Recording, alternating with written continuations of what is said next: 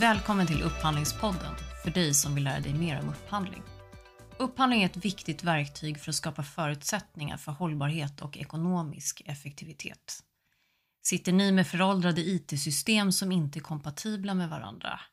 Fokuserar ni på krav på systemet istället för på uppfyllande av behovet?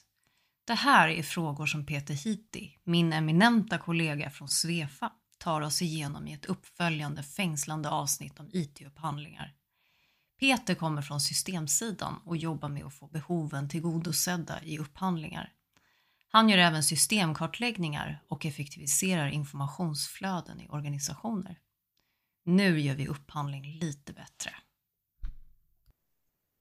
Hej Peter Hiti, välkommen till Upphandlingspodden. Vad kul att du är med oss idag. Men tack så hjärtligt. Det här är fantastiskt roligt. Jag har ju hört om den här podden flera gånger. Och eftersom jag ligger lite utanför upphandlingsspåret, jag är mera hur säga, kunskapsstödet i de processerna, så är jag supernyfiken på att se vad ni pratar om. Härligt att ha dig med. Du är ju starkt anknuten till Lars Dahlqvist som vi träffade för några veckor sedan. Ja. Och han nämnde ju dig flera gånger i, i det avsnittet och därför så blev det naturligt att vi bjöd in dig. Så det känns extra kul att ha dig här just därför. Det är så roligt för att Lars och jag, vi har verkligen blivit ett radarpar. Jag uppskattar honom både som kollega och som upphandlare, för han har ju järnkoll på formalian, på processerna, på hur saker och ting ska gå till. Han har LOU-regelverket och allting. Jag har också hygglig koll på det, men han, han är proffs. Medan jag då jobbar med systemfrågor och hur vi kombinerar våra roller. Ibland har vi sagt att vi är good cup, bad cup. Så jag är den som tittar på möjligheter. Vi skulle kunna göra så här. Nej, säger Lars, det kan man inte göra. Och det där funkar väldigt bra även gentemot våra kunder. De känner att vi har med oss båda de pelarna i projektet. Hur hamnade du i upphandlingssammanhanget? Hur kommer det sig att du började med det här? Ja, jag började ju som konsult på Svefa för tre år sedan för att jag i, i sig ville jobba bredare än vad jag har gjort dessförinnan. Jag vill alltså, det låter lite storslaget kanske, men jag vill ju hjälpa kunderna med deras verkliga behov oavsett vad, vad behovet är inom mitt gebit, det vill säga IT för fastighet. Men konsultrollen passar mig väldigt bra för då kan man jobba ganska fritt. Man går in och ser vad är behovet och vi löser det. Och i det sammanhanget så kommer vi ju alltid in på eh, upphandling, eller väldigt ofta i alla fall, därför att det är något IT-system som behöver bytas ut eller uppgraderas eller vad det kan vara. Sen har jag ju ett förflutet där jag har kommit i kontakt med eh, upphandlingar väldigt mycket eftersom jag i mina tidigare gärningar var leverantör. Då, då satt jag på andra sidan skrivbordet och har ju svarat på en ohygglig mängd upphandlingar. Så jag har ju sett ett spektra av upphandlingar också som, är, som jag nu tar med mig även i min nya roll här. Och eh, det vi gör på, på Svefa då, det är just att vi, om vi pratar upphandling, så hjälper vi kunder som sagt att se över sina behov, se vad som behöver förändras och handla upp då och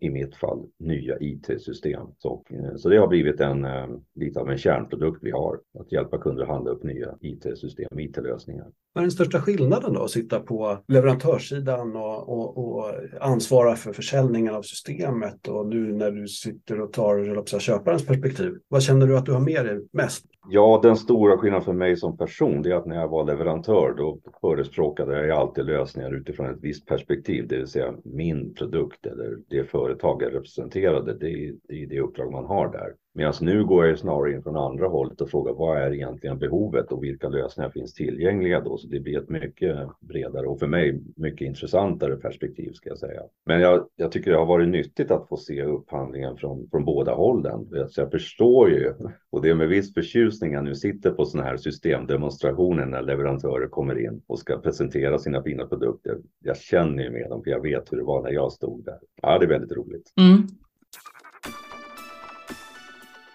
Om jag ska skicka över en tillbaks till Lars då, att uh, upphandling har vi konstaterat består väldigt tydligt av två delar. Det ena är ju ja, den formella delen, oftast LOU-styrt, så är det ju. Men mm. den andra delen är ju att faktiskt tillgodose ett behov.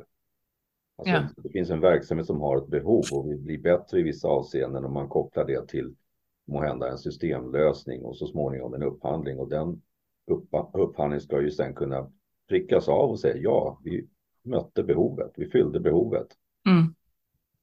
Så, och, och, med det perspektivet så blir ju upphandling långt ifrån bara formalia, utan det är ju hela processen. Hur fångar vi behoven? Hur, eh, hjälper vi till att svänga om verksamheten också, för det var ju faktiskt det man också ville göra under resans gång. Och sen en vacker dag att bocka av att det blev som vi ville.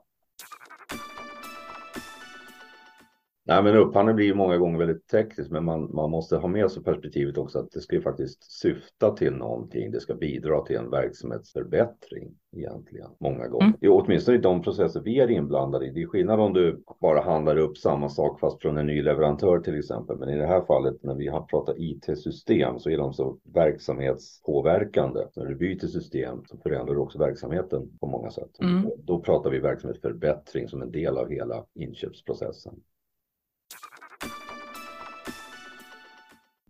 Men mm. eh, när vi pratade med Lars då, så pratade vi lite om upphandlingsprocessen och det som föregår den. Skulle du kunna beskriva någonting om hur ni tillsammans lägger upp delarna av att gå till systemupphandling? Vad är viktigt innan? Och det börjar ju någonstans med att vår kund har en gnagande känsla, skulle jag vilja kalla det, av att saker inte riktigt lirar i deras system. Och det kan vara att de upplever att det är tungjobbat eller att alla i verksamheten inte använder systemet som de borde eller att de får inte ut rätt data, rätt rapporter, rätt analyser. De kan inte överblicka sin verksamhet. Så det, det är någon typ av brist man upplever. Men de, ibland har de inte riktigt lyckats sätta finger på vad är det egentligen för brist rent konkret man skulle vilja lösa. Men där någonstans kommer vi in i bilden och det första vi gör då är ju att leda workshops och försöka diskutera och resonera kring det här. Vad är det ni upplever som en brist? Varför är det en brist och hur kopplar de bristerna till era, era verksamhetsmål? Vi försöker ju då inte prata system utan prata verksamhetsbehov väldigt renodlat.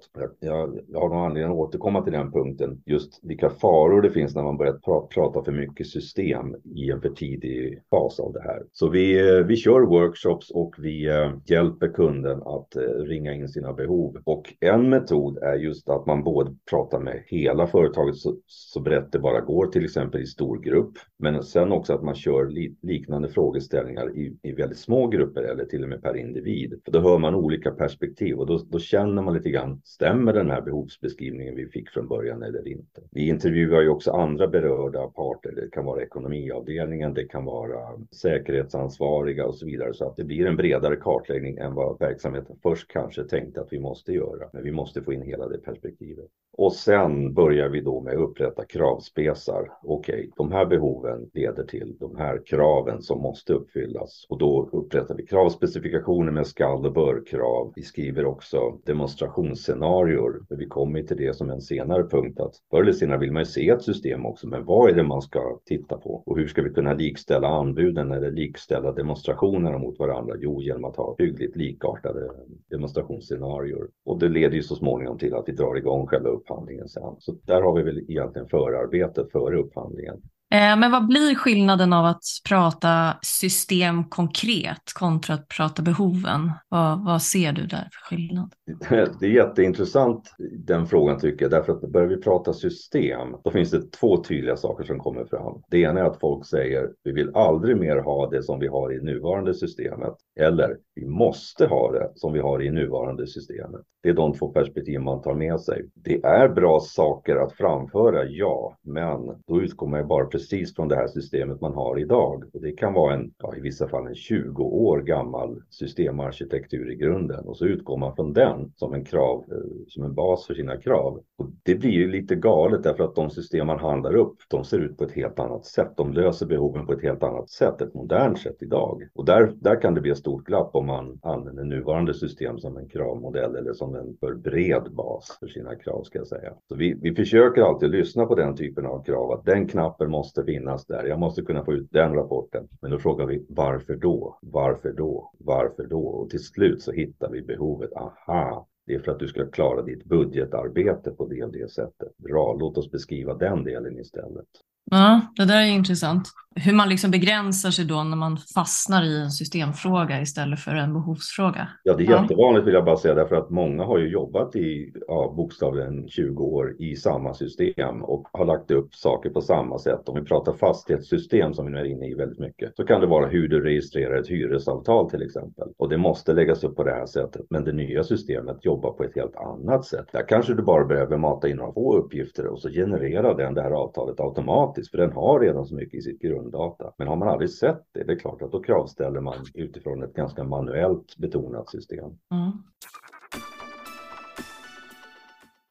Eh, om man redan har ett system, ja, kan man liksom få direktupphandla egentligen? Mm. Och det här eh. ser vi ganska mycket där ute. Jag tycker det är en intressant fråga och Lars och jag har diskuterat den. Där, där man, jag ser att man, man menar sig ha köpt licensen för systemet, alltså nyttjanderätten och den är evig. Men det man då betalar år efter år i underhållet, underhåll och support. Och det har man handlat upp på x antal år och den perioden tar nu slut. Får man då handla upp fortsatt underhåll och support för de här licenserna som man en gång köpte. Och där är det olika skolor skulle jag vilja säga. Eh, vissa upphandlare säger nej men det är helt omöjligt. Du kan inte bara, det finns inga evighetsavtal överhuvudtaget gentemot samma eh, leverantör. Och andra tycker att eh, det är väl alldeles utmärkt att göra på det sättet. Och så vet jag inte om man bara chansar och väntar på att se vad som händer. Eller, men rent LOU-mässigt så kan jag, jag kan inte se att det finns något stöd för den typen av agerande. Att man bara fortsätter att avropa från en leverantör i all evighet. Och det här är en, en gåta som jag, jag, vet, jag tror inte jag vill, vill ge mig in i den diskussionen. Och sen kanske också vad, man, vad som är lämpligt att ha fast pris på, var, var det är bättre att ha löpande ersättning i de här delarna jag tänker på införandet att om du begär, begär, helt fast pris på alla delar då, då får du nog en eh, ganska hög riskpremie på det också. Så därför säger många att okända delar är bättre att köra löpande, det är bättre för båda parter. Medan kända moment som x antal utbildningsdagar, det kan man ju ha fast pris på till exempel. Det är en, det är en diskussion som kommer upp i varje upphandling. Eh, sen är väl trenden att de som kan väljer molntjänster, men frågan finns ju där och man får stöta och blöta den och väga för och emot. Tillbaks till frågan om avtalsperiod så pratar vi om ja, 10-15 år mm. och i, i, extrema fall även längre. Så vad är det man ser framför sig egentligen när vi pratar systemutveckling under hela den perioden? Det system du köper idag är inte alls likt det som finns om 15 år. Och, och, det bör man ha med sig redan i kravställningen. Vad, vad, är det egentligen vi vill kräva då av leverantören? Om vi nu pratar offentliga verksamheter, vilket vi mycket gör när vi pratar upphandling på det här sättet. Det som många missar är att tar vi kommunala bolag så lyder de under en kommun som har ett myndighetsansvar när det gäller it-säkerhet.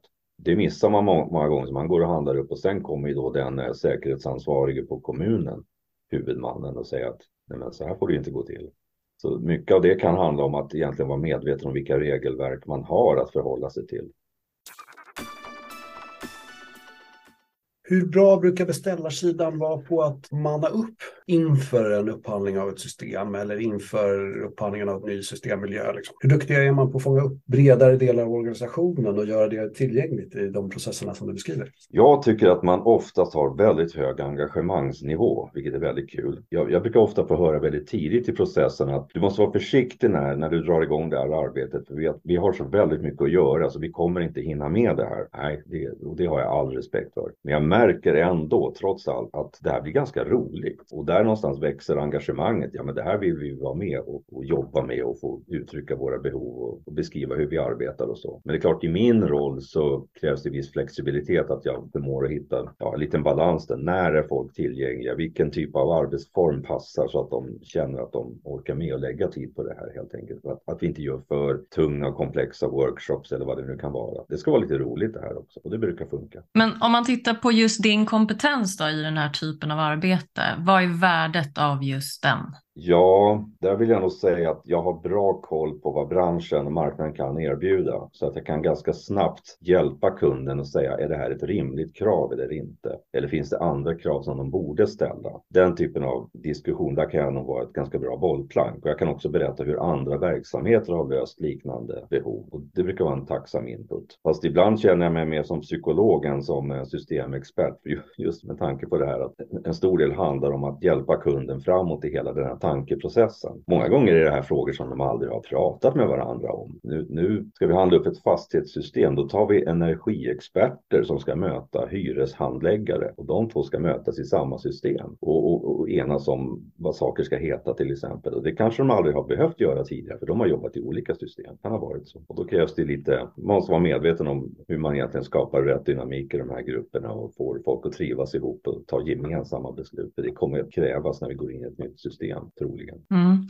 Men om man tänker då att om man skriver ett avtal för ett system under ett antal år, jag antar att det är ganska långa avtal man skriver. På vilket sätt öppnar ni upp för innovativa lösningar under den här avtalsperioden? Och nu kommer du in på någonting som jag tycker är jätteintressant. Därför att många kravspecifikationer vi ser där ute, de kan vara ganska omfattande, men de är egentligen ett, någon sorts snapshot, ett nuläge av nu vill vi ha de här funktionerna. Men de system man handlar upp, de är ju oftast mångåriga. De kan vara ja, 8, 10, 12, 15 år till och med. Och då är ju det system jag köper upp idag, det är inte detsamma som jag har om 15 år, inte alls. Och då måste man fråga sig, vad är det egentligen jag vill handla upp? Jag tror troligen är det en leverantör som jag tror att jag kan följa, följa med under hela den här avtalsperioden. Hur ska man beskriva det? Det är en ganska grannlaga fråga. Hur beskriver man det i en upphandling? Att vi vill att ni är den här typen av leverantör som hjälper oss 15 år framåt utifrån våra verksamhetsbehov. Där behöver man fundera lite. Och det, det, är en ganska svår fråga för de flesta har lätt att beskriva ett system, hur det ska se ut idag. Men hur vill vi att leverantören agerar om tio år? Det har man betydligt svårare att uttrycka.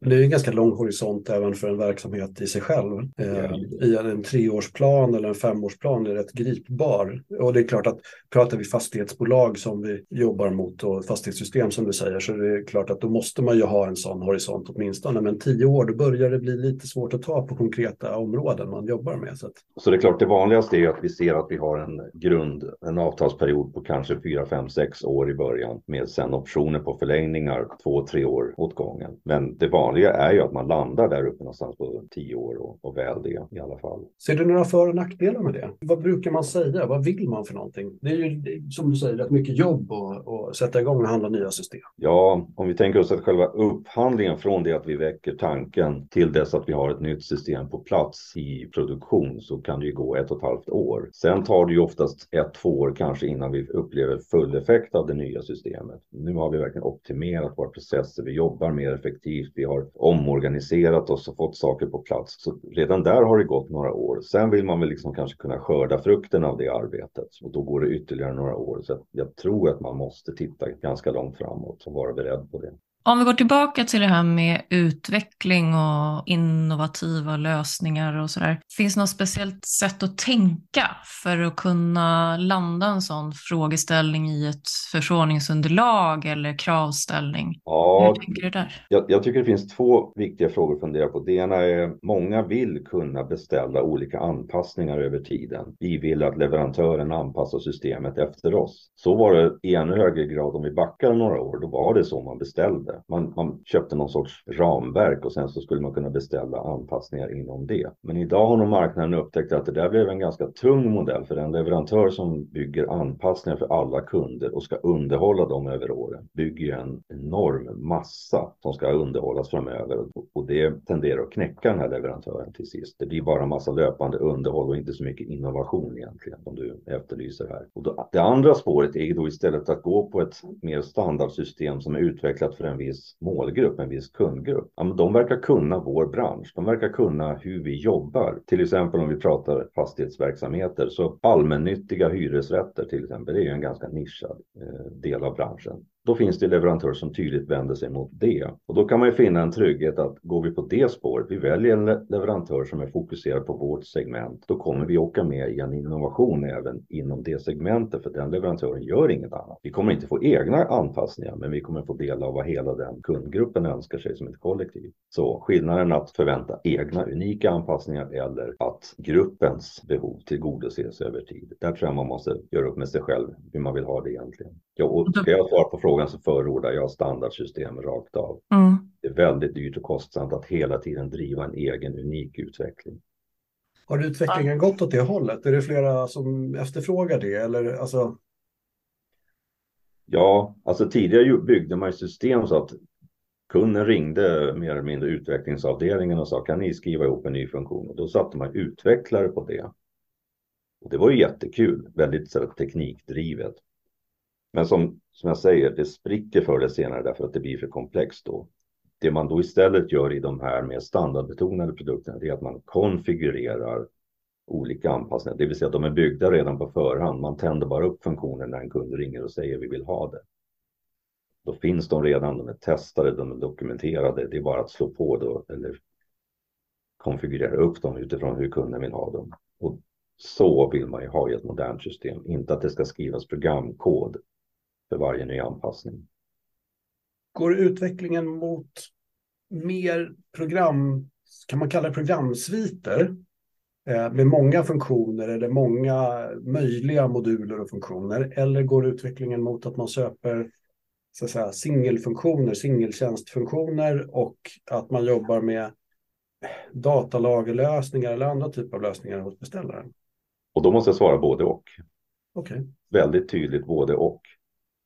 De system som har lyckats landa i en bra strategi, där de har en bra kraftfull plattform, där de kan konfigurera upp efter olika kundbehov, vilket gör att de tar sig framåt snabbt. De mäktar med att bredda sin, eh, sin produkt så att den har fler moduler och så. Medan den äldre typen av system, som jag säger, där man byggde kundunika anpassningar, de klarar inte det helt enkelt. Men där ser vi ett framgångskoncept.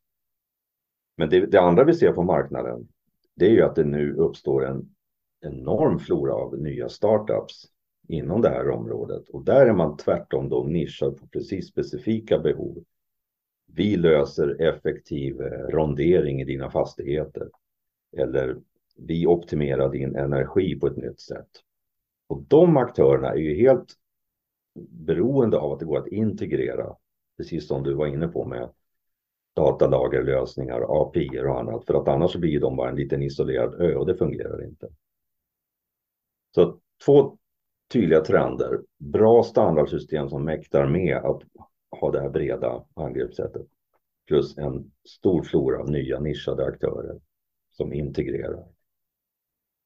För då kommer vi in lite på de här, när jag som upphandlare eller som ansvarig för försörjningen på ett bolag ska köpa det här så, så fort jag är klar så ser jag att det dyker upp en ny funktionalitet eller som du säger en ny smart startup som löser ett, ett specifikt problem um, på ett mer kreativt eller innovativt sätt precis när jag är klar med det här. Och de vill jag ju på något vis kunna fånga upp.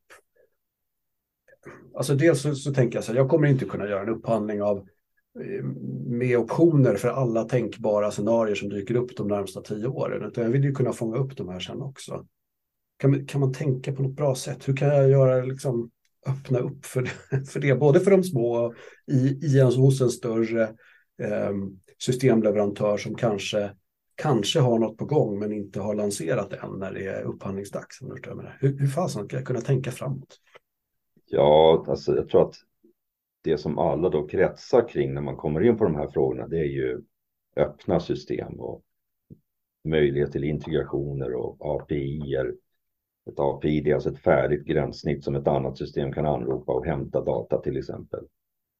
Det man måste passa sig för där är att alla system säger att de är öppna och har API, -er. men när du sen väl ska tillämpa dem så, så krävs det ganska mycket anpassningar eller någonting för att få det att fungera. Så i ett upphandlingsskede så kan det då vara bra att kräva in dokumentation på hur ser de här API-erna ut? Finns det färdiga dokument som kan sättas i handen på en annan leverantör och säga att det här ska ni använda för att hämta eller skriva data. Finns det sån dokumentation, ja, då är det här uppe och kör och då, då går det att använda. Finns det inte så är det troligen bara en skrivbordsprodukt. Men, men med den typen av integrationer och API så har man ju egentligen vägen öppen till nya typer av lösningar som kommer upp framöver. Hur pass eh, är fastighetsägarna då som köper den här typen av system, eh, om vi nu pratar fastighetssystem, hur pass benägna är de att efterfråga system som är kompat alltså kompatibla med andra leverantörers system då som man kan förvänta sig ska tillföra data till fastighetsägarens system, alltså att systemen kan prata med varandra eh, och att alla leverantörer inte har samma system som fastighetsägaren, för det kan ju vara svårt att kräva. Hur kravställer man det i den här typen av upphandlingar? Eller, eller, eller har man istället då behovet av att eh, eller man säger att eh, vi delar ut licenser till våra leverantörer, tvingar in dem i vårt system så att de får jobba i det systemet. Risken där är att leverantörerna måste jobba i en hel flora av olika system hos sina beställare istället för att ha ett system då som de kan synka mot, mot eh, sina beställares system. Nu menar du driftleverantörer då som till exempel jobbar mot en större fastighetsverksamhet? Det ja, det är väl en typisk sån leverantör. Ja. Ja, just det. Och du handlar upp den och sen så kommer man in på systemfrågorna. Mm. Ja, jag har sett många olika varianter där. Att driftleverantören ska jobba i sitt system eller att man ska jobba i beställarens system. Eller att man integrerar systemet, det vill säga låter driftentreprenören jobba i sitt system där de har upparbetade rutiner och kan analysera, men bara skickar in data till beställarens system. Och skulle jag ge ett råd där så tror jag man ska handla upp, man ska låta leverantören vara proffs med hjälp av dens egna verktyg. Det är då de jobbar bäst. Och då kommer vi in på systemintegrationer istället, att utväxla data eh, mellan systemen egentligen. Men då krävs det ju någonstans att man har som fastighetsägare ett system som också är kompatibelt för integration med andra system. Ja, det gör det. Nu kommer vi in på lite IT-arkitektur. Om den här frågan kommer upp så skulle jag vilja ge ett bestämt råd. Koppla inte in alla. Om du är en stor organisation, stor fastighetsägare, så har du troligen flera driftentreprenörer som jobbar om alla ska in mot samma stackars fastighetssystem i mitten, då kommer man att skjuta sönder det med olika typer av integrationer. Så ta ett prat med IT-avdelningen och låt dem bygga någon typ av integrationspunkt dit man knyter entreprenörer. och Därifrån så går man vidare in i verksamheten. Så att man liksom delar på det, annars så kommer man få ett, en ohanterlig koloss i mitten där som alla leverantörer ska kommunicera emot. Jag har sett sådana exempel. Det blir väldigt tungt för det stackars systemet i mitten. Där. Men hur menar du att systemet i sig inte ska vara det som är beroende av Nej. funktionalitet på det viset, utan man har någonting i mitten som, som då eh, de här ja. systemen kan jobba emot och hämta och lämna data Det till. finns väl väldigt bra produkter färdiga som kallas för integrationsmotorer, en integrationsmotor. Och sådana har ofta driftentreprenörerna för de är vana att koppla sig mot alla ställen så de har en sån punkt, en integrationsmotor. Om då även fastighetsägaren, beställaren har en, då kan de koppla sig mot hur många driftentreprenörer som möjligt. Det är en speciell typ av produkt som är gjord just för sånt. Och då ska man inte ställa det kravet på sitt fastighetssystem utan då ställer man det på den här integrationsmotorn. För det är där hela den ihopkopplingsfrågan löses. Så det är lite IT-arkitektur. Vilket system ska man kräva eller ha vilka krav på? Ja, och det där är en jätteintressant fråga, för kan man inte de detaljerna, och det är egentligen inte kanske på IT exakt detaljnivå, så då, det blir ju väldigt svårt att förstå hur man ska göra. Ja, men vi är ett system, vi vill ha all vår data i vårt system. Mm. Så punkt. Och sen får leverantörerna anpassa sig efter det. Um, om man inte förstår den här, den här möjligheten att skapa, alltså hur man ska få in datan i sitt system och det ska bli enkelt för alla, då, då blir det kanske inte bra i slutändan. Tänk dig den dag du ska handla upp ditt eget fastighetssystem på nytt nu. Och nu är det kanske tio olika driftentreprenörer som har kopplat sig mot det systemet med integrationer. Hur ska du kravställa det då i din kravspec i den nya upphandlingen du gör? Jo, vi vill ha ett nytt fastighetssystem som ska stödja tio olika driftentreprenörers arbetssätt också. Mm. Den frågan tycker jag är lite kul. Mm. Där gäller det att försöka skikta upp det både vad gäller IT-arkitektur och upphandlingsmässigt. Ja, nej, men här lärde jag mig något väldigt viktigt känner jag. Jag som sitter mycket i driftupphandling. Ja, vad roligt.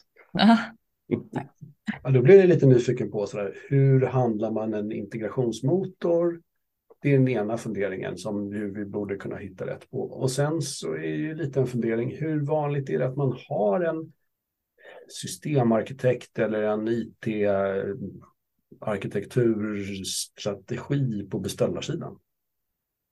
Alltså det, det här är ju, tycker jag, en superviktig fråga man borde lyfta, för det är klart att alla verksamheter har en IT-strategi. Men den är oftast väldigt tekniskt inriktad utifrån ett rent IT-driftperspektiv. Det är inte säkert att man har kopplat ihop det med verksamhetens behov. Och i det här fallet vi pratar om nu så är det att externa parter ska kunna koppla in sig rakt in i de här systemen. Det är ett verksamhetsbehov.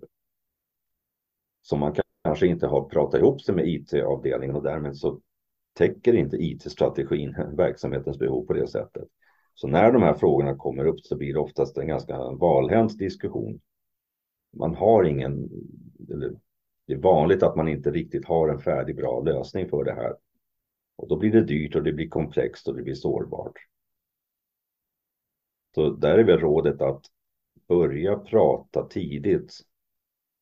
Både verksamhetsbehov och hur det kopplar in i den IT-strategi man har. Och att de här följs, följs åt.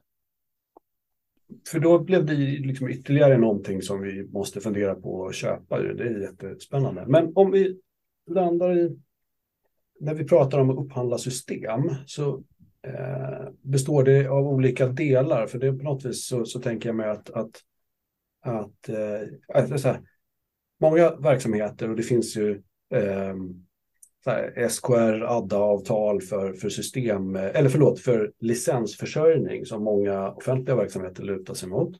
Så licenserna är en del och sen så tänker jag mig att någonstans i systemet och funktionaliteten i systemen är något som man ibland upphandlar och ibland kanske inte upphandlar för man tänker sig att man köpt licenser av det och sen så är det alltid anpassningsfrågor och konsultliknande delar man köper och sen så finns det lite andra aspekter på det.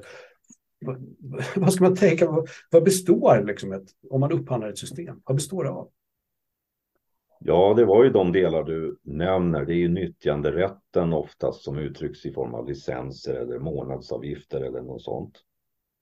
Och där måste man ju ofta uppge lite volymsiffror så att leverantören kan räkna på dem. Är det antal användare eller är det antal kvadratmeter vi har i vårt fastighetsbestånd eller något liknande.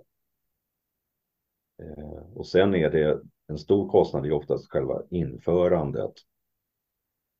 Eh, här vet jag att många ryggar tillbaka lite när de ser prislappen på införandet. För, för en inte alltför stor verksamhet så kan vi prata uppåt en miljon kronor för att skruva in ett nytt fastighetssystem. Är det en större verksamhet, ja då är det kanske några miljoner kronor just för implementationen. Så det är en stor post i sig som man måste boxa in lite. Utöver det så har du ju sen kommande underhåll och support.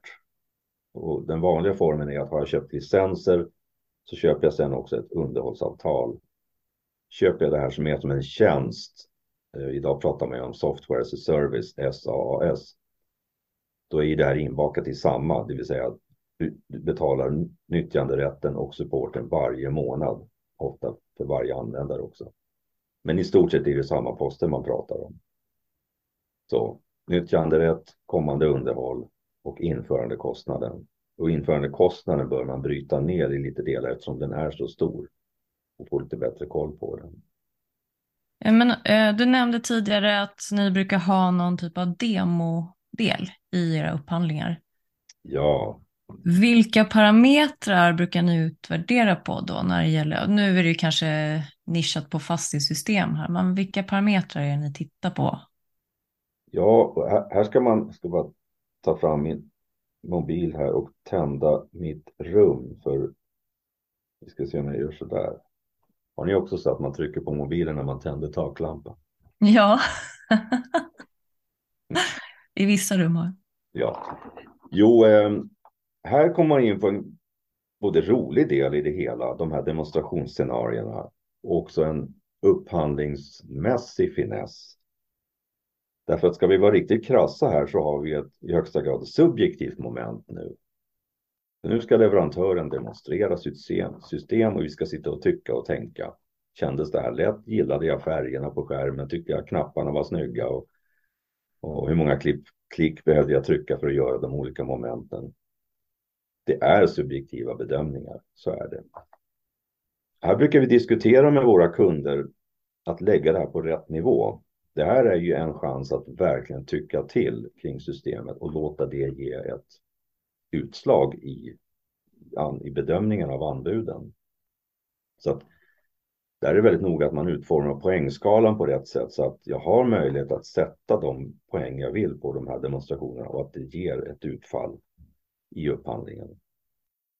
Samtidigt får det inte vara helt godtyckliga åsikter och så och därför själva metodiken i hur vi samlar in poängen brukar också vara lite noggrann. Så den är ganska strukturerad där varje, an, varje person som, som har varit med på de här eh, demonstrationerna måste sätta ett, eh, ett poäng eller ett betyg och vi samlar in det på ett strukturerat sätt och då ser man ganska tydligt mönster att alla tyckte ganska likartat på de flesta frågor och då känns det ändå som att då har vi landat i konsensus kring hur vi upplevde det här och då, då känns det både mer rättvist och mer korrekt på alla sätt. Men en fråga som dyker upp många gånger i upphandlingar det är ju ja men vi vill ju kunna välja det system som är bra. Och då är det ju mycket systemdemonstrationerna som är en tung del i det hela.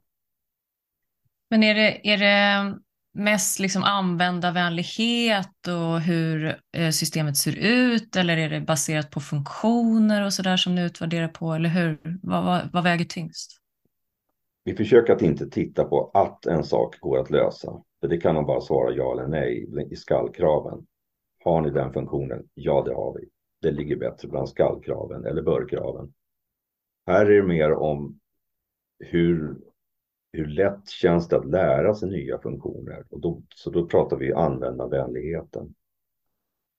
Och då brukar vi också lägga upp det så att, eller hjälpa våra kunder att tänk på hur pass likartade de här scenarierna är. Så att har leverantören kört ett scenario för till exempel hyresavisering.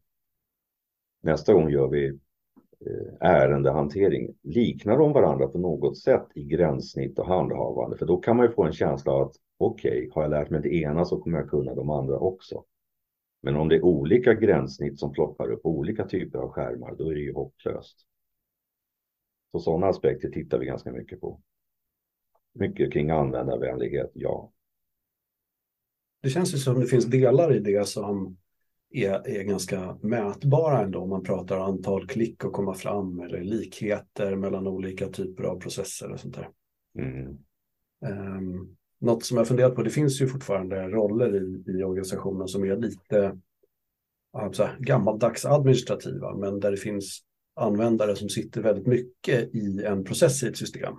I fakturahantering, i kontering, i felanmälan, i registrering, diarieföring och sånt där som, eh, som skiljer sig lite från eh, sällananvändarnas behov och där man på något vis har en kanske en, en, grafisk miljö och man går in och klickar och pekar på saker och ting för att orientera sig framåt. Men där de här ofta dagliga användarna behöver ha en annan typ av snabbhet och där känns det ibland som att man missar den. Det ser bra ut för någon som är inne sällan, men de, de som ska kunna arbeta effektivt i ett system lite tappas bort. Mm. Vi brukar titta på det där. Det, ja, det är flera aspekter som är viktiga för att adressera det där. Det ena är när vi pratar typ av tekniska gränssnitt. Om du till exempel vill ha ett webbaserat system. Det, det tycker många är väldigt populärt och bra. Men webben är inte lika reaktionssnabb som ett Windows-gränssnitt till exempel. Jag brukar jämföra med, jag brukar fråga vilket använder du när du kör Outlook? Kör du Outlook Windows eller kör du Outlook Web? Då säger alla Windows helt plötsligt, för den är ju blixtsnabb. Och det är samma här. Men när man handlar upp system så vill man gärna säga att det ska vara 100% webbaserat. Och då, då drabbar det just de här, som du säger, de här dagliga expertanvändarna.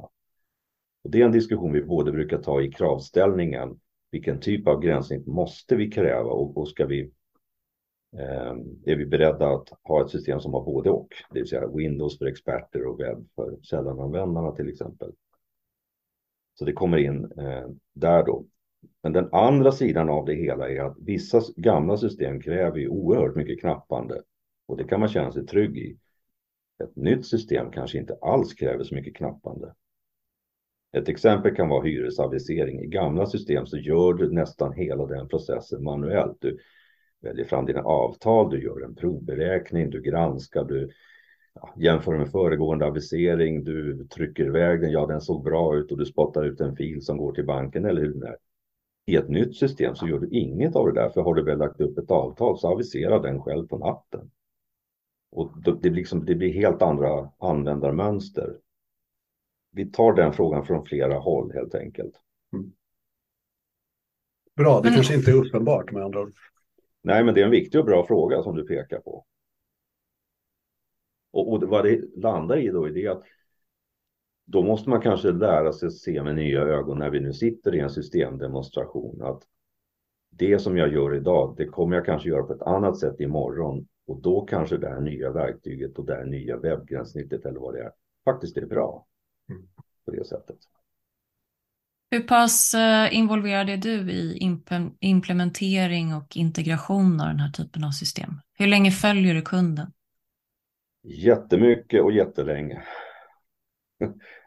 För nu kommer vi in till det här att när, när nu leverantören kommer och ska skruva in sitt system så, är det, så ska de gifta sig med kunden. Och det sker inte med automatik kan jag säga. Det är olika kulturer, olika begreppsfloror och allting och olika datamodeller, olika datastrukturer som nu ska mötas. Kunden har gamla begrepp, eller jag ska inte säga gamla, men de har sina befintliga begrepp. De har i alla fall väldigt gammalt data och mycket som behöver städas. Och leverantören står med ett nytt och fräscht system och vill ha in data i det. Här är det alltid så, 100 procent av fallen, att vi behöver städa, komprimera, slå ihop, rensa upp i begreppen för att få nytt frisk data in i ett nytt system och där brukar jag hjälpa till jättemycket. Det är en del av hela vår införandeprocess. Det tar vi också med i upphandlingen där vi säkerställer att, att det här kommer gå att göra. Det vill säga att kunden tar fram sitt data, det städas och sen så har vi en överlämningspunkt till leverantören med färdigstädat data. Vi, vi förväntar inte att leverantören ska städa data, för det är inte det de är bra på. De är bra på att leverera system. Så de får färdigstädat data. Sen brukar vi också hjälpa till med själva projektledningen, för har man gjort det här många gånger så vet man ju ungefär hur de här projekten går till och då brukar våra kunder uppleva att det är skönt att ha någon att hålla i handen under hela de här projekten. Ja, för det är också jätteviktigt att när upphandlingen är slut så är det ju inte klart där. Det är klart Nej. att det är, där, det är då jobbet börjar. Ja,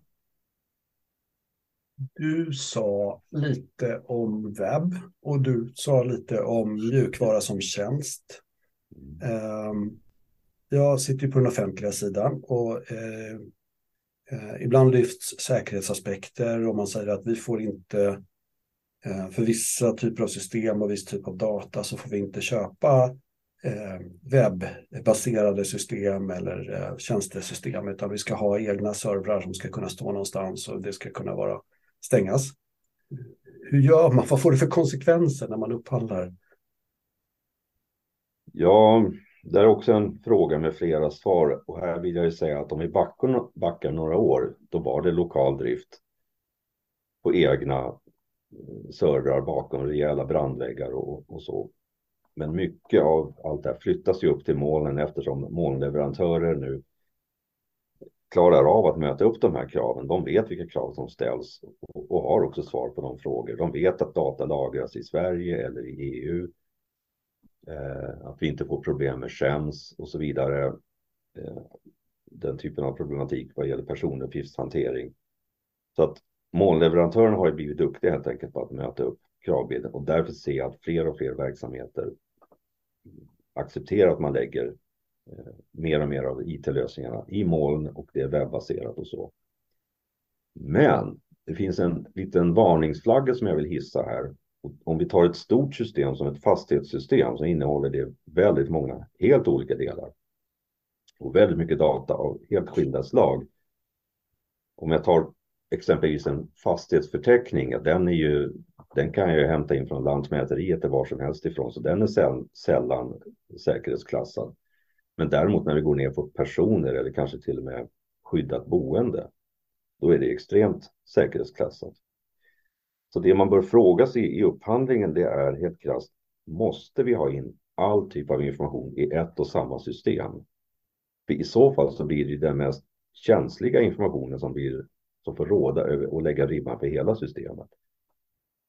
Så har jag nu en viss, oftast en mindre del eh, skyddat boende, sekretessklassat boende på ett eller annat sätt, så kan ju det kravet ensamt göra att vi landar i lokal drift omgärdat av höga säkerhetskrav. Men lyfter jag ut den delen, då är jag fri och kan välja många andra lösningar. Och här måste man verkligen rota i vad är det specifika behovet. Och det kan till och med vara så att, att det är okej okay att lägga in vissa uppgifter om boende, men jag ska undvika fritextnoteringar till exempel. Och därigenom så sänker jag hela säkerhetskravet väsentligt, bara med den lilla detaljen. Så här måste man kolla upp vad är behoven, vilka tekniska lösningar finns, vad måste ligga i ett och samma system och sen svara på frågan då, kan vi då köra det i moln eller kräver det lokal drift? Men jag tänker ju då direkt, borde det inte kunna finnas någon modul för säkerhetsskyddade delar som ligger vid sidan av? Liksom? Jo, och återigen, molnleverantörerna blir duktigare och duktigare, så vissa av dem har en helt som ett kassaskåp i molnet. Där får du lägga vad du vill och ingen kommer åt det. Tappar du nyckeln så är det datat borta. Punkt. Det är nästan mer säkert än, än om du har det på din egen IT-avdelning skulle jag vilja säga. Mm. Så det dyker upp lösningar där också. Men då ska man ju kravställa just den delen. Vi behöver ett eget litet särskilt utrymme där uppe för just den här typen av uppgifter. Men då ska inte hela systemet ligga i den skyddade miljön för då blir det väldigt tungt och jobbigt. Mm. Så här är väl svar på frågan att spjälka upp det lite grann och ringa in vad exakt var det nu som var kritiskt. Finns det, för du nämner säkerhetsklassning, mm. finns det standarder för att klassa information när man ska oh. köpa system? Oh ja. Och pratar vi nu, ja, ja det gör det ju. Vi har ju ISO 27001 som i sig är standard för informationshantering.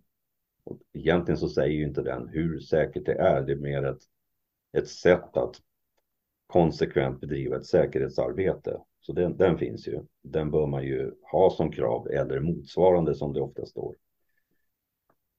Pratar vi offentliga verksamheter så är det många som lutar sig mot verktyget Klassa som tillhandahålls av eh, SKR, Sveriges kommuner och regioner. Det är ju ett verktyg där man egentligen hela tiden får hjälp att fråga sig själv. Vad är det för typ av information du tänker lägga i det här systemet?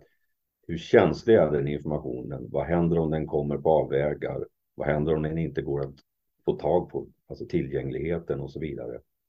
Och det genererar en lång, lång, lång både betygsskala och åtgärdslista vad som då måste uppfyllas. Så det är ett väldigt bra strukturerat verktyg.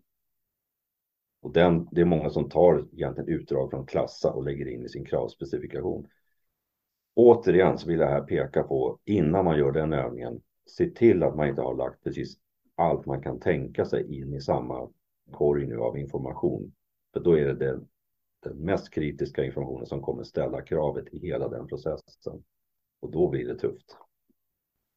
Det kan ju till och med vara så i vissa verksamheter man landar i att ja, men då köper vi två system. Ett för det mm. allra mest säkerhetskänsliga mm. och ett för den övriga fastighetsverksamheten.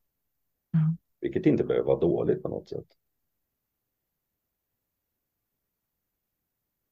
Jag tycker jag har träffat på den här sista tiden när vi pratar eh, robusthet i, i liksom offentliga verksamheter och, och eh, också ett förändrat säkerhetsläge vad det gäller eh, försvar och, och sådär på ett sätt som, som sedan mitten av 90-talet inte har, har funnits.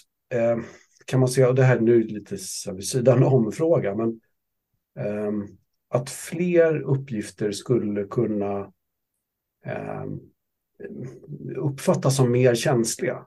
Alltså rena saker som tekniska system i fastigheter och eh, vi är ju som offentliga verksamheter och generella driftverksamheter kan man säga så har vi ju många av oss omfattas ju av offentlighetsprincipen och har ju hanterat det också ganska öppet över tid och sett det som ganska okomplicerat. Men men det är klart att utifrån yttre hot då, så har det förändrats också. Vilken information som skulle kunna vara känsliga av, av, andra skäl kan man säga, inte bara känsliga personuppgifter som ju var en stor fråga i samband med GDPR eller uppdaterades i samband med GDPR.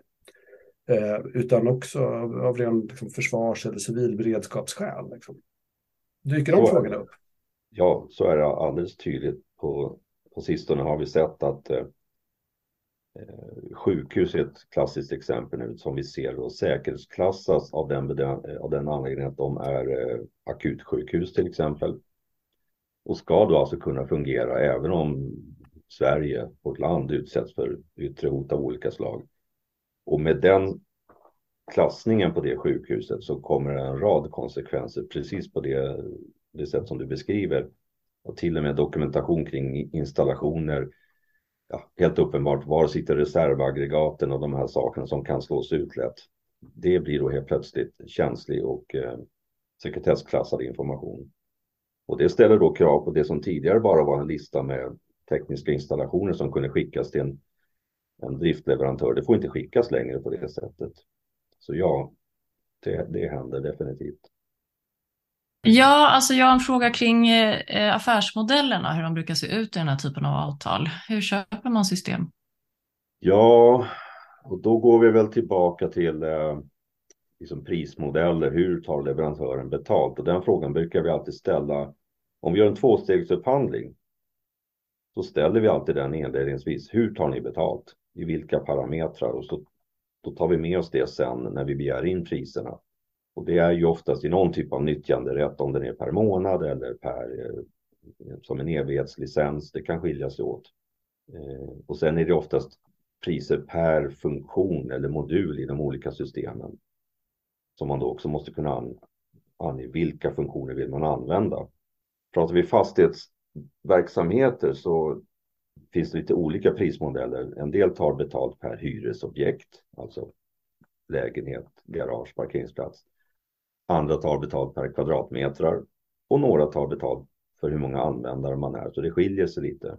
Och här måste man naturligtvis i upphandlingsdelen lista ut hur ska man jämföra de här anbuden mot varandra då eftersom de tar betalt på olika sätt. Så man måste ha med sig alla de parametrarna, låta leverantören svara och så får man se ja, vad blir då anbudssumman utifrån deras prismodell. Du nämner tvåstegsförfarande. Har du något så favoritförfarande inom LOU som ni brukar använda för systemupphandling?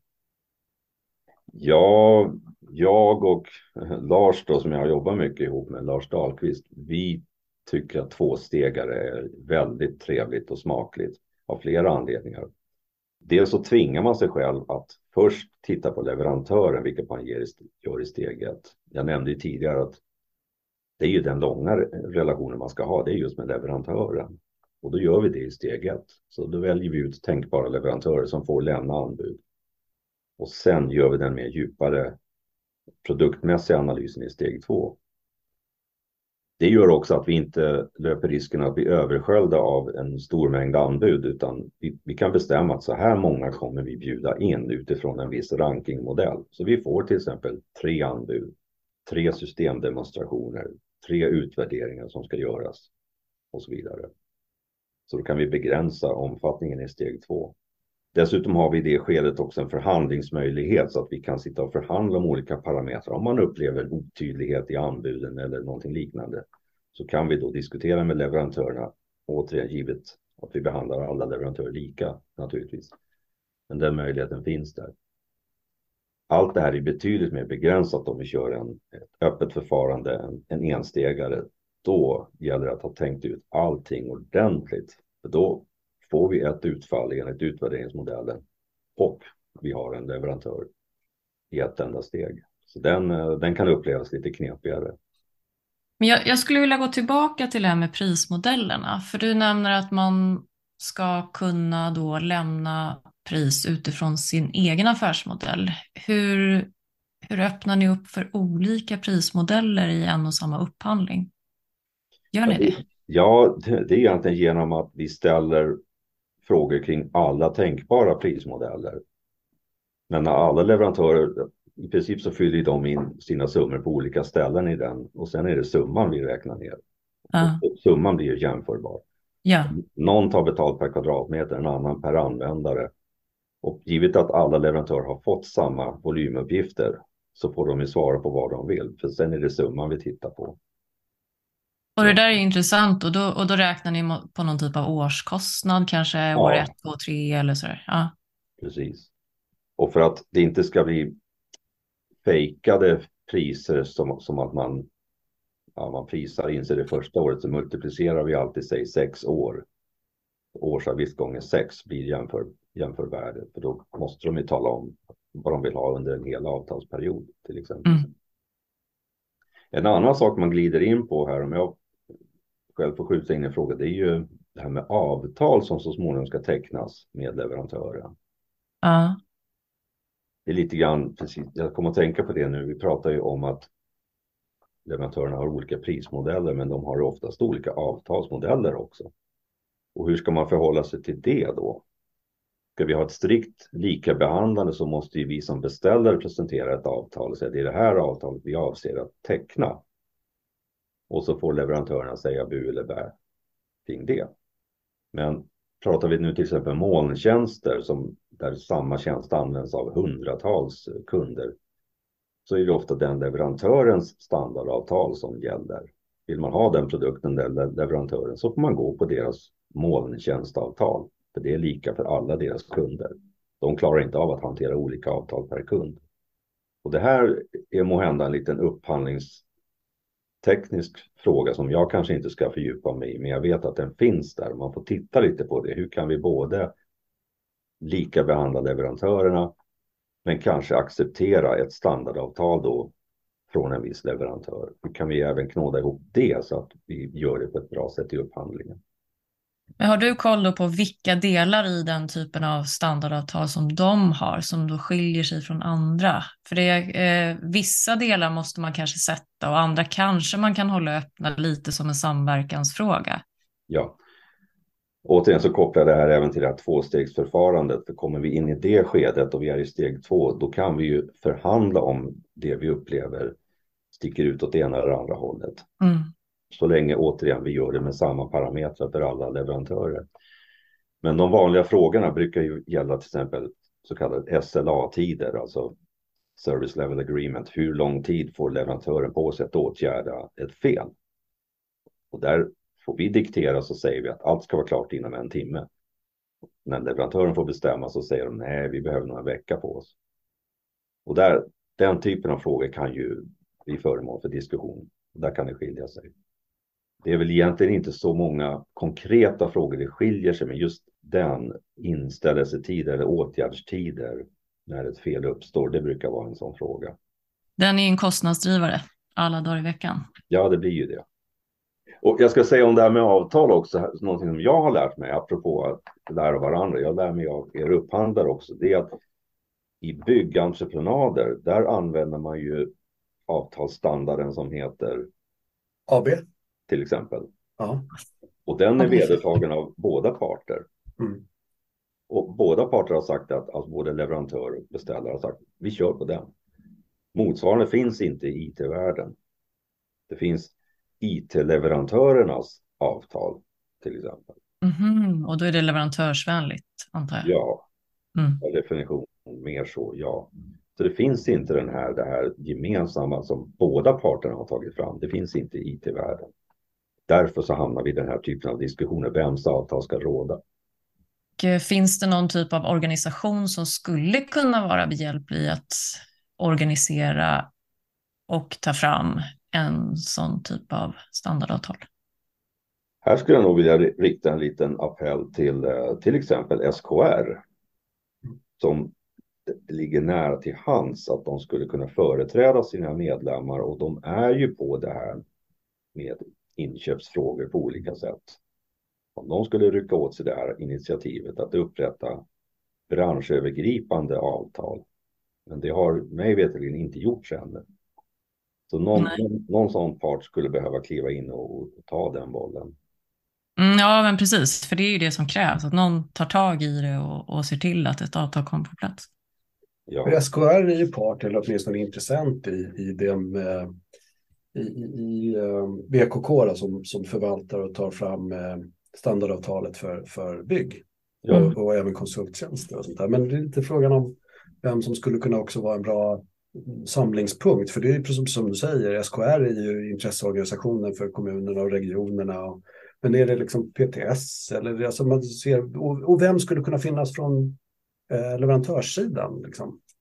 Det finns ju samlande organ på leverantörssidan, IT och telekomföretagen. Är det de som har tagit fram deras eh, leverantörsavtal? Ja.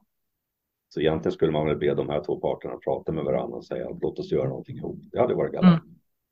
Skulle mm. underlätta upphandlingsområdet i alla fall i Sverige. Men det är klart att det finns ju en massa, en lång kedja av, av, av leverantörer och, och tillhandahållande av, av eh, infrastruktur och lösningar bakåt också. Så det är väl det som kanske som gör det lite rörligare. Du nämnde vi pratade om data och du nämnde Schrems.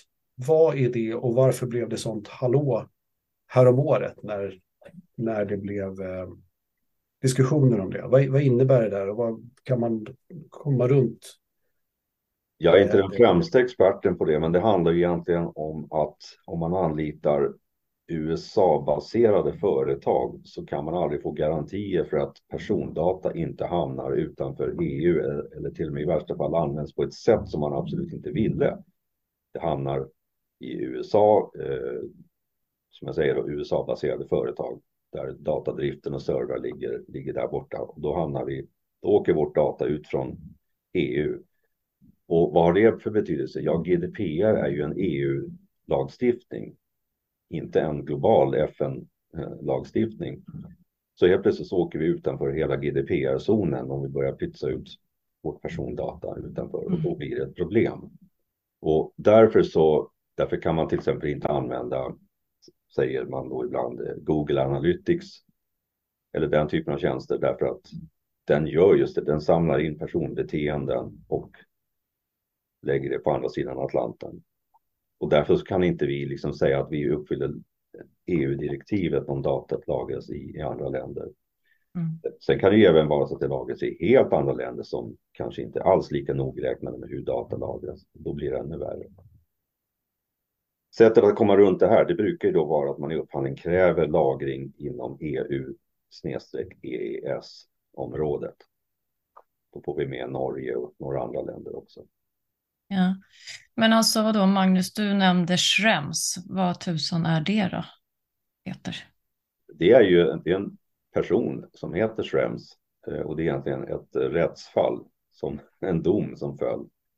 Och här någonstans skulle jag behöva läsa på vad det exakt som hände, men eh, resultatet av den domen är ju, om jag inte missminner mig, att man måste hålla koll på var man lagar sitt data. Det är egentligen det det handlar om. Det kan man nog googla upp. Vem är Schrems? Nej, men har du något tre snabba tips till eh, typ beställare och leverantörer? Jag har lättare formulerat tipsen till beställaren. Mm. Och det är det här, fokusera på behoven, inte på lösningen. Och jag skulle vilja ringa in det här med att fundera på om ni, om ni verkligen vill ha ett eget system eller om ni ska gå på ett standardsystem. Och, och det går ju tillbaka till den här frågan, är vi så unika som verksamhet som vi kanske tror att vi är eller inte? Och svaret brukar vara att de flesta är inte så unika. De kan välja en standardlösning och sparar jättemycket på det under många år framåt. Istället för att beställa så mycket unika funktioner. Så fokusera på behoven, eh, titta på standardlösningar som finns. Och sen själva införandet så då kommer man in på andra delar. Det är det här att passa på att städa upp och rensa i era begrepp och information och data som ni använder så att ni får en ny start. Ny fräsch start med nytt system.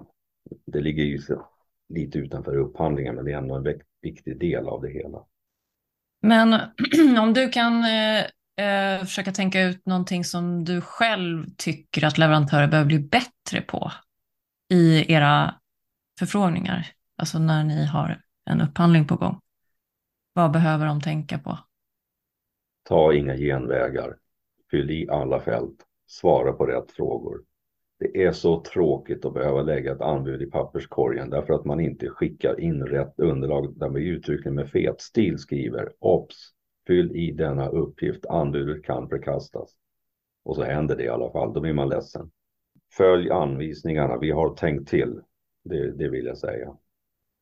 Ja, men alltså jag tror också att eh, bara förstå de här delarna är ju extremt viktigt när man sitter på olika typer av kategorier för upphandling.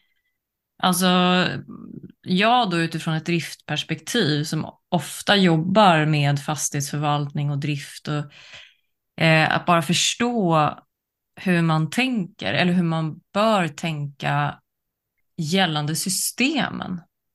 En sak som vi inte har pratat om som jag ändå vill nämna här, det är det här omfattningen ja. av kravspecifikationen. Ja. Och det är också något sorts avslutande råd. Gör den inte för komplex. Alltså håll ner antalet krav. För om jag nu ger rådet att kika på standardsystem i den mån det är möjligt. Så ska man då inte ha en kravlista som om man skulle bygga ett system själv från noll. Utan jag behöver ju bara ha med så mycket krav som krävs för att hitta rätt standardsystem. Det är en helt annan historia. Men menar du då att man ska ställa mer övergripande krav eh, utifrån behovet? Eller ska man liksom ställa detaljerade men få krav? Eh, man måste vara väldigt medveten om vad varje krav får för konsekvenser om vi vill ha ett standardsystem. Mm. Jag skulle kunna vända på det så här. Om jag vill ha ett fastighetssystem för fastighetsverksamhet i Sverige. Ponera att jag säger att jag vill ha ett webbaserat system och det ska vara molnbaserat och det ska ha alla funktioner från energi till ärende och hyror. Då är jag nere på två, max tre system som finns i Sverige. Det är det jag kommer ha att välja mellan. Varje nytt krav jag lägger till riskerar jag att peta ut en av de leverantörerna och då får jag inga anbud. Så med fem, tio krav så kan jag nog egentligen handla upp det systemet. Men kravkatalogerna brukar ju oftast vara ett par hundra och extremen just nu, rekordet är nog 1447 krav fortfarande vill man ha ett standardsystem.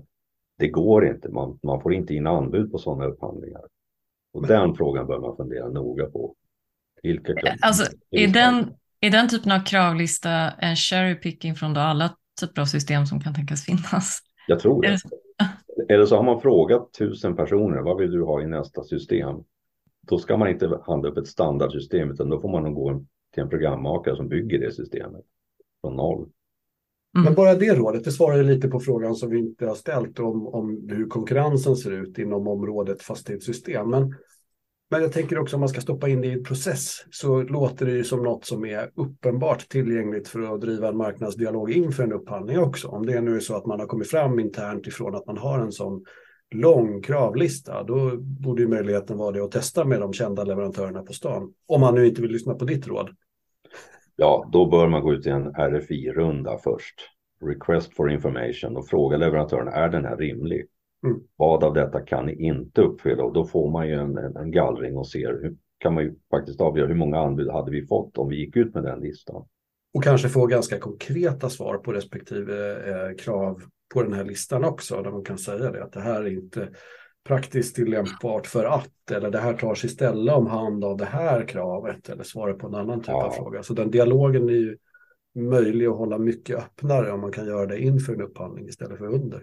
Och för att ge lite sådär tankehjälp till det här så kan jag säga att när vi handlar upp fastighetssystem så är det oftast två, tre, fyra anbud, inte fler. Mm. Och det är ganska vanligt att det är just två leverantörer, två anbud vi får in. Mm. Det är alltså inte jättemånga. Och, och det ska man ta med sig när man ställer kraven. Det är, man riskerar hellre då att stå utan anbud överhuvudtaget om man har för komplexa krav. Ja, just. Nu har vi snöat in en del på fastighetssystem, eh, men jag undrar lite om, är du involverad i upphandlingar av till exempel styr och övervakning eller energioptimering, alltså den, de delarna i fastigheterna också? Ja, och vi handlar upp ekonomisystem. Vi, egentligen så allt som vår målgrupp fastighetsverksamheter behöver. Och de har ju då fastighetssystem, de har ekonomisystem, ritningssystem, kartsystem, energisystem, driftövervakningssystem, eh, låssystem, tvättstugebokningssystem och så vidare. Allt det finns med. Orsaken till att jag tror jag pratar mycket om fastighetssystem, det är därför att det är den mest komplexa delen mitt i. Mm. kan vi lösa den så kan vi handla upp ett, ett låssystem till exempel. Och de här systemen som du nämner nu, det låter ju som ganska många. Mm. Pratar de med varandra? Ja, ibland, ibland inte. Och vad behöver man göra som, eh, som fastighetsägare då för att hitta rätt i den floran? Jo, då ska man återigen ha, som vi sa tidigare, att verksamheterna pratar ihop sig med IT-avdelningen, format en gemensam strategi. För då kan man ha kommit fram till att vi ska inte kräva att alla system kan prata med alla, för då får du ett spagettinätverk. Utan vi ska kräva att det finns en integrationsplattform dit alla kopplar sig. Alla har en punkt, men tillsammans kan den här integrationsplattformen knyta ihop dem. Och det är en IT-arkitekturfråga, men kravet måste komma från verksamheten. Är det den här integrationsmotorn som du nämnde tidigare som även leverantören kopplar på sina system? Exakt, samma tänk där, precis. Mm. Det är väldigt lätt att tänka sig att vi vill att alla system pratar med alla, men oj, tänk när du ska byta ett av de systemen. Det blir så här plockepinn-grej, så rasar allt. Ta gärna hjälp och har man aldrig gjort det här förr så är det nog klokt att ta med personer, konsulter får jag säga då rent ut, som har varit med i många sådana här. Allt ifrån den inledande behovsanalysen, hur man utformar kraven, demonstrationsscenarier, välja upphandlingsform, teckna avtal, implementera och sen checka av att vi nådde behoven. Peter, var får man tag på dig någonstans om man vill nå dig och vill bolla frågorna eller vill anlita dig eller vill ja, på annat sätt eh, ha kontakt med dig? Gör gärna det och boka mig gärna på ett kort bollplanksmöte där vi bara under en timme ringar in och ser var står vi nu, vilket nuläge ser vi eller vilket börläge ser vi framför oss och så kan vi snabbt bolla upp och se var ligger möjligen de svårare hindren på den resan och var skulle det behövas hjälp och så vidare. Den timmen är ovärderlig och den är gratis. Och då bokar man den genom att mejla mig på peter.hiti.svefa.se. Så kul att få prata med er. Jättekul Peter. Att Ja, stort träffas tack. och, och skitbra grejer. Jättebra. Jag känner mig mycket, eh, ja men lite sådär, landad i dels ett antal konkreta frågor och dels eh, behovet av att fånga upp frågor på strategisk nivå som inte är liksom en fråga utan som är alltifrån organisation och ägarskap och successivt bryta ner saker och ting och formulera och några tekniska frågor som jag bara yes, nu känner jag mig lite tryggare. Skitbra, jättekul tycker jag. Ja, jättebra. Och jag måste säga att du är väldigt överens med Lars i många frågor. Så dina tips, eh, dina tips är helt i linje med hans, det måste jag säga. Åh, vad skönt. Tack Peter. Stort tack. Tack själv. Tack för att du lyssnat. Finns det saker du skulle vilja höra mer om eller någon du kanske tycker att vi ska intervjua så hör av dig till oss på lyssna.upphandlingspodden.se. Ett särskilt varmt tack till Erik Stridell på Bybrick som komponerat Upphandlingspoddens jingel.